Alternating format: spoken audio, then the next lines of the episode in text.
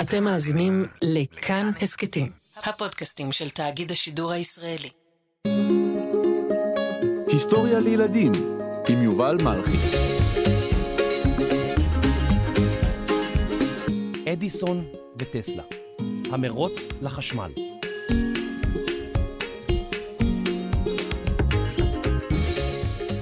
שלום ילדים, היום... אאוץ'! מה זה החשמל הסטטי הזה שיש פה? מאיפה זה הגיע? אוח... טוב, ננסה שוב. תחרות. מה המילה הזאת גורמת לכם להרגיש? כשהגוף שלנו נדרך לקראת תחרות, הוא מפריש הורמון, מין חומר כימי, שגורם להגברת קצב פעימות הלב. תחרות יכולה להיות דבר מעולה. היא גורמת לאנשים לחשוב איך הם יכולים להיות טובים יותר, להתאמן לשם כך ולנסות כל מיני דברים חדשים. לפני יותר ממאה שנים נערכה תחרות בין שני ממציאים. זו הייתה תחרות מיוחדת. מי יהיה האיש שימציא מערכת חשמלית שתאיר את העולם במקום נרות שעווה? זהו סיפור התחרות בין תומאס אדיסון לבין ניקולה טסלה. אז מי ניצח? תקשיבו ותדעו. תומאס אלווה אדיסון נולד בשנת 1847 במרכז ארצות הברית. אדיסון סבל מחרשות קלה ולא נחשב לתלמיד מצטיין. בבית הספר בעיירה שבה התגורר, המורים לא האמינו בו. הוא מבולבל מדי. הוא שואל יותר מדי שאלות. אמרו לאמו. אם כך, אמרה אמו של תומאס, אחנך אותו בעצמי. לשמחתה, תומאס גילה עניין רב בספרים מכל הסוגים, וישב לקרוא בכל הזדמנות שהייתה לו. תומאס, איפה אתה? אני פה קורא. מה אתה קורא? אני קורא על אה, ניסויים מדעיים. יופי, תיזהר רק ש... אוי, תומאס, תומאס, בסוף אני אעביר אותך לזום. אולי תעשה ניסויים בזום? אמא, עוד לא המציאו את זה. אה, נכון, נכון. נכון, אתה צודק, תומאס. אוי, אתה כזה חכם! איזה פיצניו, מיצניו, שמיצניו, קיצניו, תומאס! יואו, חכמצ'יק שלי.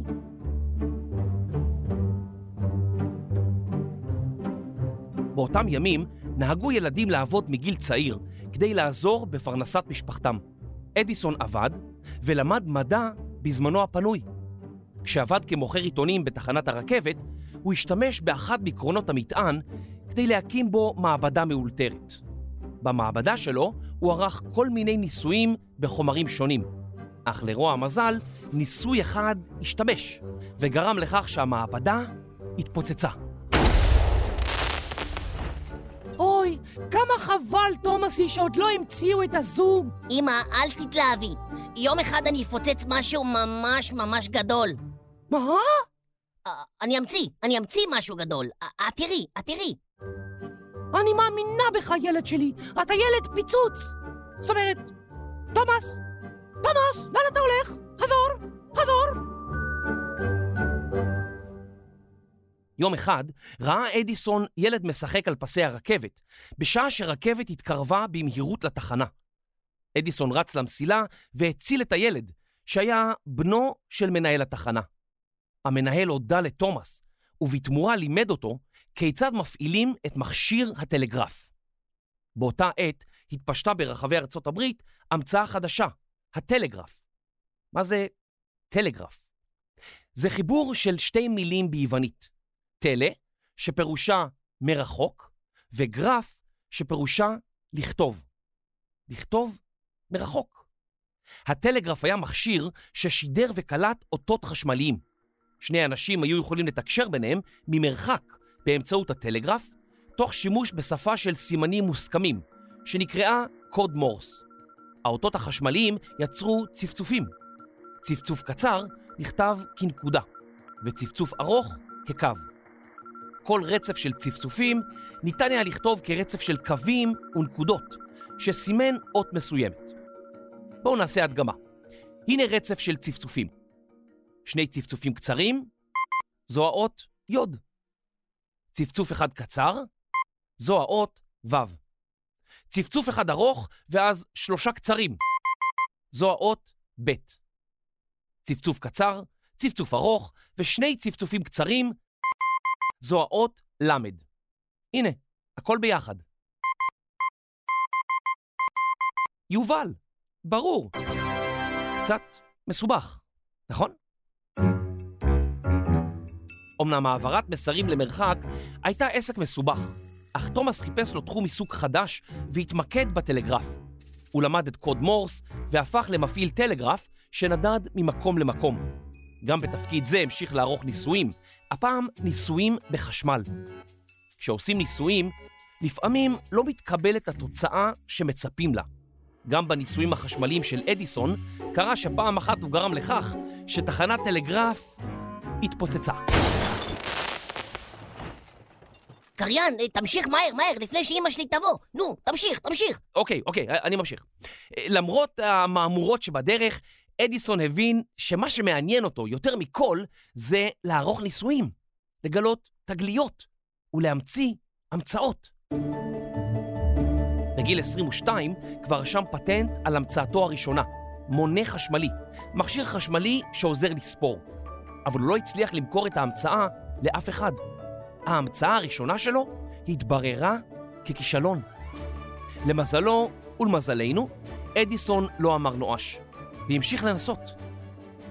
אדיסון עבד בכל מיני עבודות והגיע לעיר ניו יורק, שם התגורר במרתף של חבר. השניים החלו לפתח פיתוחים למכשיר הטלגרף, ואדיסון מכר את המצאתו, שהייתה טלגרף בו ניתן היה להעביר ארבע הודעות בו זמנית, באותו זמן. עם הזמן רשם אדיסון על שמו עוד ועוד פטנטים, ומכר המצאות נוספות. עם ההון, הכסף שצבר, הקים מעבדה חדשה בעיירה קטנה בשם מנלו פארק, במדינת ניו ג'רזי, בארצות הברית. למעבדה הוא שכר מהנדסים רבים וממציאים והחל להמציא פטנטים. במהלך חייו רשם אדיסון על שמו למעלה מאלף ומאה פטנטים.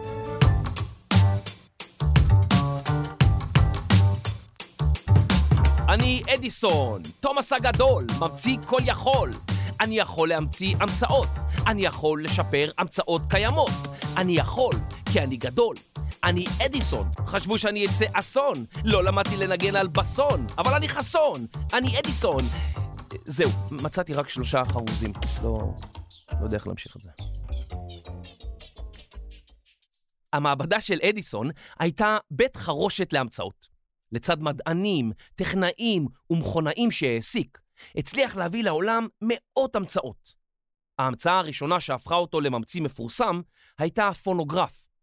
מה זה פונוגרף? זה חיבור של שתי מילים ביוונית. פון, שפירושה קול, וגרף, שפירושה לכתוב. נכון, כמו בטלגרף. הפונוגרף היה המכשיר הראשון שהצליח לקלוט קול, לשמור אותו ולהשמיע אותו. אדיסון המציא את מכשיר ההקלטה הראשון בהיסטוריה. ההקלטה הראשונה של קול אנושי שייכת לאדיסון. הוא שר אל מכשיר הפונוגרף שיר ילדים אמריקאי מוכר. למרי היה טלה קטן.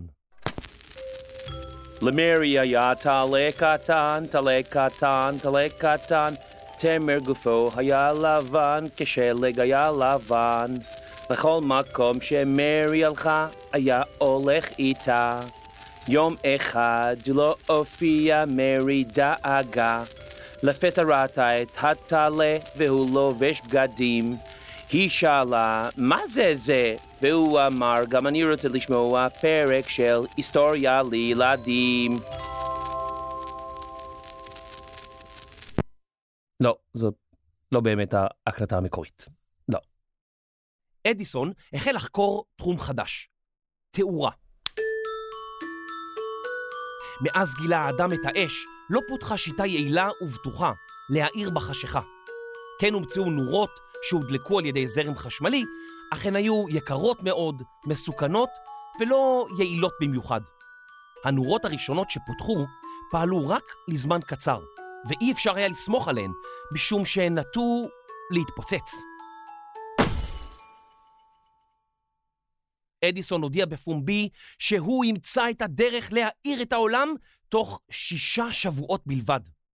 למעשה, זו הייתה הגזמה פראית, משום שלא היה לו קצה חוט כיצד ישיג את המטרה שהציב לעצמו.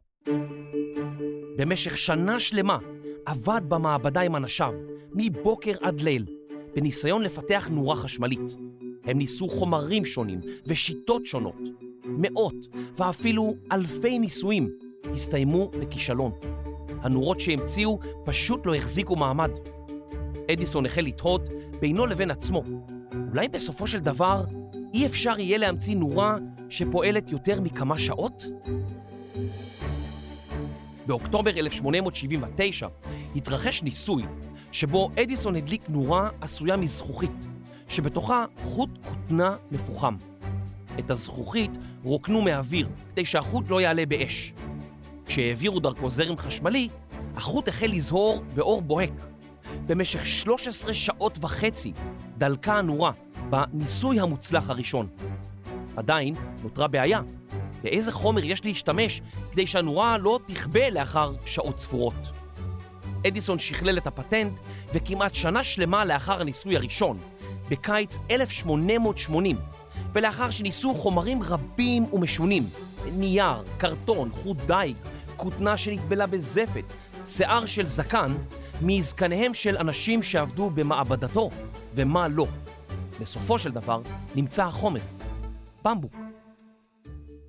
בתחילה, אורך החיים של הנורה היה מוגבל בשל העובדה שסיבי הבמבוק היו קצרים. בתחילה הנורה בערה רק כשעה, עדיין לא מספיק טוב. אחרי כמה שיפורים היא הצליחה לפעול במשך שלוש שעות וחצי, ועד סוף אותה שנה, 240 שעות ויותר. בזכות המצאתו כונה אדיסון הקוסם ממנלו פארק. הוא הצליח להביא לעולם נורה שמחזיקה מעמד לאורך זמן, ויכולה הייתה להאיר רחובות, בתים, בניינים ומפעלים.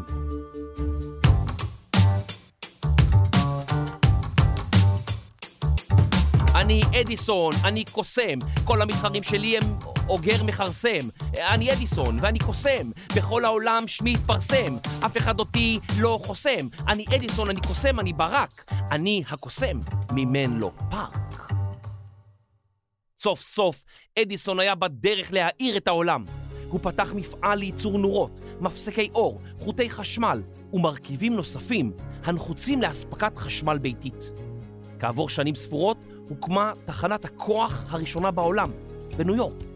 בעזרת מנועי קיטור סיפקה התחנה חשמל לעשרות לקוחות והאירה 400 נורות. שנתיים מאוחר יותר היא כבר האירה למעלה מעשרת אלפים נורות, בדרום האי מנהטן. אדיסון הקים עוד ועוד תחנות כוח ברחבי ארצות הברית ובאירופה. אלא שכאן צריך להכניס לסיפורנו דמות נוספת שבזכותה אנחנו יכולים להדליק אור בקלי קלות.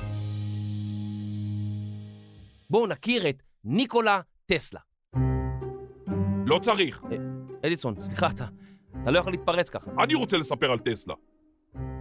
טסלה, טסלה, או, כל כך... אה, אה, כל כך מה, אדיסון? טסלה, פסלה, אה, שמסלה. נו, אדיסון, די להמציא מילים, באמת. אין חרוזים לטסלה. ניקולה טסלה נולד בשנת 1856 בכפר סימיליאן שבקרואטיה למשפחה ממוצא סרבי. אביו היה כומר בכנסייה, ואימו גידלה אותו ואת ארבע אחיותיו. כבר בגיל צעיר עקב אחר אמו שהמציאה כל מיני מכשירים ביתיים קטנים. זה עורר את סקרנותו. אביו אמנם רצה שבנו ימשיך את דרכו וילך ללימודי כמורה, אבל ניקולה ידע שזה לא מתאים לו. ניקולה פנה ללימודים גבוהים באוניברסיטאות שונות ברחבי אירופה. הוא הפך לטכנאי ומהנדס חשמל, ומצא עבודה במרכזיית הטלפונים של בודפשט, בירת הונגריה. בזמנו הפנוי, טסלה ניסה להמציא מנוע חשמלי יעיל ולמכור אותו, אבל הניסיון לא עלה יפה. בגיל 28, טסלה החליט לעזוב את אירופה והיגר לארצות הברית, במחשבה ששם יוכל לממש את שאיפותיו. הוא הגיע עם מכתב המלצה למעבדה של תומאס אדיסון. אדיסון התרשם מהמהנדס הצעיר והסכים לקבל אותו לעבודה. אלא שתוך חודשים ספורים בלבד, היחסים ביניהם עלו על סרטון, שזה כמו להגיד שהיחסים ביניהם התקלקלו, וטסלה הקים מעבדה משלו. כך החלה תחרות בין שני הממציאים, אדיסון וטסלה, תחרות בין שני המוחות הגדולים של התקופה. אתם זוכרים שאדיסון היה בדרך להאיר את העולם? שהוא כבר בנה תחנת כוח וסיפק חשמל להארת בתים בכל רחבי ארצות הברית ואירופה? מערכת החשמל שאדיסון פיתח הייתה מבוססת על זרם ישר. זהו סוג של זרם חשמלי, שבו החלקיקים בעלי המטען החשמלי נעים בכיוון אחד. שיטת הזרם הישר הצריכה תחנת כוח ענקית כדי להאיר אפילו שכונה קטנה. טסלה הבין שאי אפשר להאיר את העולם כולו בשיטה בזבזנית כל כך. הוא האמין שצריך לנקוט בשיטה אחרת, שונה מזו של אדיסון. לשם כך, טסלה פיתח או למעשה שיפר מערכת חשמלית שהתבססה על זרם חילופין. זרם חשמלי שבו המטענים החשמליים משנים את כיוונם. בשיטה זו ניתן להגביר את המתח החשמלי ולהעביר אותו למרחקים גדולים. תחת חסותו של היזם האמריקני ג'ורג' וסטינגהאוס, טסלה המשיך לחקור ולהמציא. כך הוא הצליח לפתח מערכת מודרנית לאספקת חשמל בשיטה שהוא מצא לנכון. וכך החלה התחרות העסקית מול מפעל החשמל של תומאס אדיסון. זרם חילופין ולא זרם ישר? מה זאת אומרת? התפלא אדיסון. הוא האמין שהשיטה של טסלה וווסטינגהאוס הייתה מסוכנת. כדי להמחיש זאת, הזמין אדיסון עיתונאים למעבדה שלו, והציג בפניהם מערכת חשמלית דומה לזו של טסלה וווסטינגהאוס. הוא חיבר את המערכת לבעלי חיים, והראה כיצד שיטת ווסטינגהאוס גורמת לחיות להתחשמל. כך הוא חשב להראות עד כמה מסוכנת השיטה של מתחריו. טסלה לא האמין למשמע אוזניו. מסוכן? אני אראה לו. כדי להראות עד כמה השיטה שלו בטוחה, הוא הזמין עיתונאים למעבדה שלו בניו יורק. טסלה הופיע בפני העיתונאים כשהוא מחזיק בנורות בידיו החשופות. כשהדליק את המתג, עבר זרם חשמלי דרך גופו. הנורות נדלקו ולא נגרם לו שום נזק. התחרות העסקית בין אדיסון לטסלה הייתה תחרות בין שתי שיטות שונות לאספקת חשמל, זרם ישר וזרם חילופין, ולכן היא נקראת גם מלחמת הזרמים.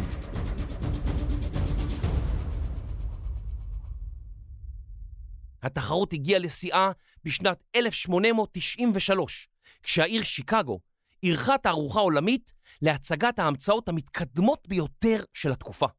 זו הייתה הפעם הראשונה שבה תאורה חשמלית הוצגה לציבור בקנה מידה רחב, והשאלה הייתה, איזו שיטה תיבחר? השיטה של טסלה או השיטה של אדיסון? כולם היו במתח חשמלי. בסופו של דבר, נבחרה ההצעה של טסלה. השיטה שלו להעברת חשמל למרחקים ארוכים אכן התבררה כיעילה יותר. אדיסון אמנם צדק שהשיטה שלו הייתה בטוחה יותר, אך היא לא הייתה יעילה כמו זו של טסלה. אדיסון התרגז על כך שהצעתו לא התקבלה, והוא סירב למכור לטסלה ולווסטינגהאוס את הנורות שפיתח. הם נאלצו להשיג נורות מממציא אחר. כמה שנים לאחר מכן, טסלה היה מעורב בהקמת תחנת הכוח במפלי הנייגרה, תחנה שמפיקה חשמל מכוח נפילת המים. בזכות השיטה של טסלה, החשמל אכן הגיע לבתים רבים יותר מאי פעם. בשנת 1900 כבר היו בשימוש עשרות מיליוני נורות חשמליות ברחבי ארצות הברית. תומאס אלווה אדיסון היה מעורב בשלל המצאות, מכשיר להקלטת קול, נורת החשמל ומצלמת הקולנוע. תגליותיו המדעיות שכללו את הרדיו והטלפון, ואפילו הכשירו את הקרקע להמצאת הטלוויזיה. ניקולה טסלה, לעומתו, ביסס את מערכת אספקת החשמל שאנו עושים בה שימוש עד היום. בשנים האחרונות, בשנים שלנו, הפך טסלה לסוג של גיבור למדענים רבים, ובעשרה ביולי בכל שנה, יום הולדתו של טסלה, מציינים ארגונים שונים ברחבי העולם את יום ניקולה טסלה. אז מי ניצח במלחמת הזרמים?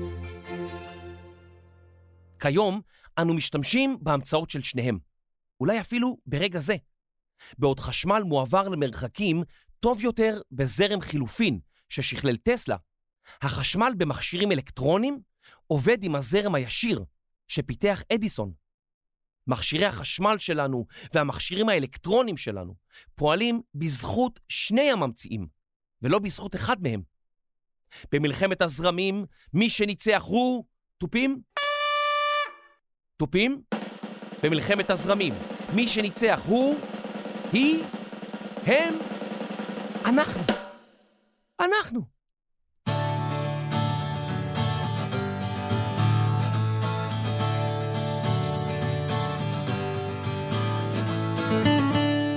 בפרק הזה דיברנו על חשמל, וגם אמרנו שחשמל יכול להיות מסוכן.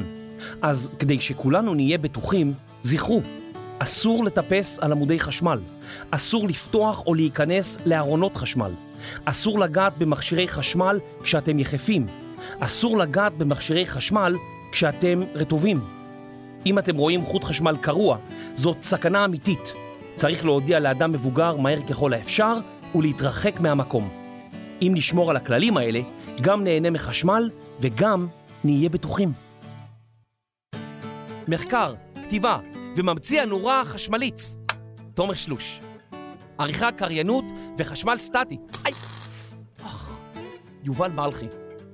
עריכת לשון והאישה שגרה לא הרחק מביתו המקורי של תומאס אדיסון, דינה בר מנחם. מיקס, אפקטים ומחשמלת סדרתית, רחל רפאלי. ייעוץ מקצועי וחשמלי, ארלה מאור. הפקה והפסקות חשמל, אייל טסלה ורני אדיסון. אני יובל מלכי, היסטוריה לילדים.